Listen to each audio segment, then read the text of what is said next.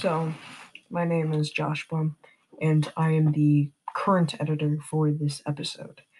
I'm putting this disclaimer here because this episode specifically is not going to be like the other episodes of this podcast, because during the creation of this episode, our Discord server got raided by one of our one of our members, and because of that, we had to delete our Discord server.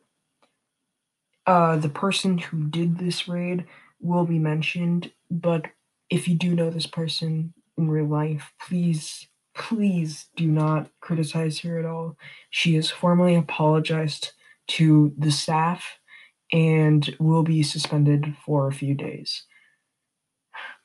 Also, we would like to put our hearts to all the people who had been injured in the Saugus shooting since it has been the one year anniversary of this tragic event. We personally reside in Santa Clarita, so we have been affected in one way or another by the people we have either lost or have been seriously injured by this event.